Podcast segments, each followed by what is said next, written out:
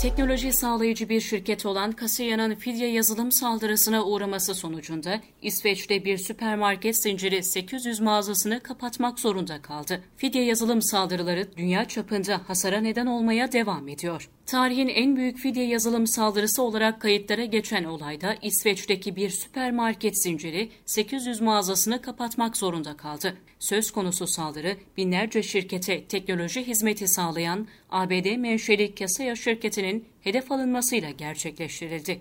Siber araştırmacılara göre esas olarak ABD'yi etkileyen bu saldırıdan çok sayıda işletme zarar gördü. BBC'nin haberinde siber güvenlik firması Huntress Labs'ın açıklamalarına yer verildi.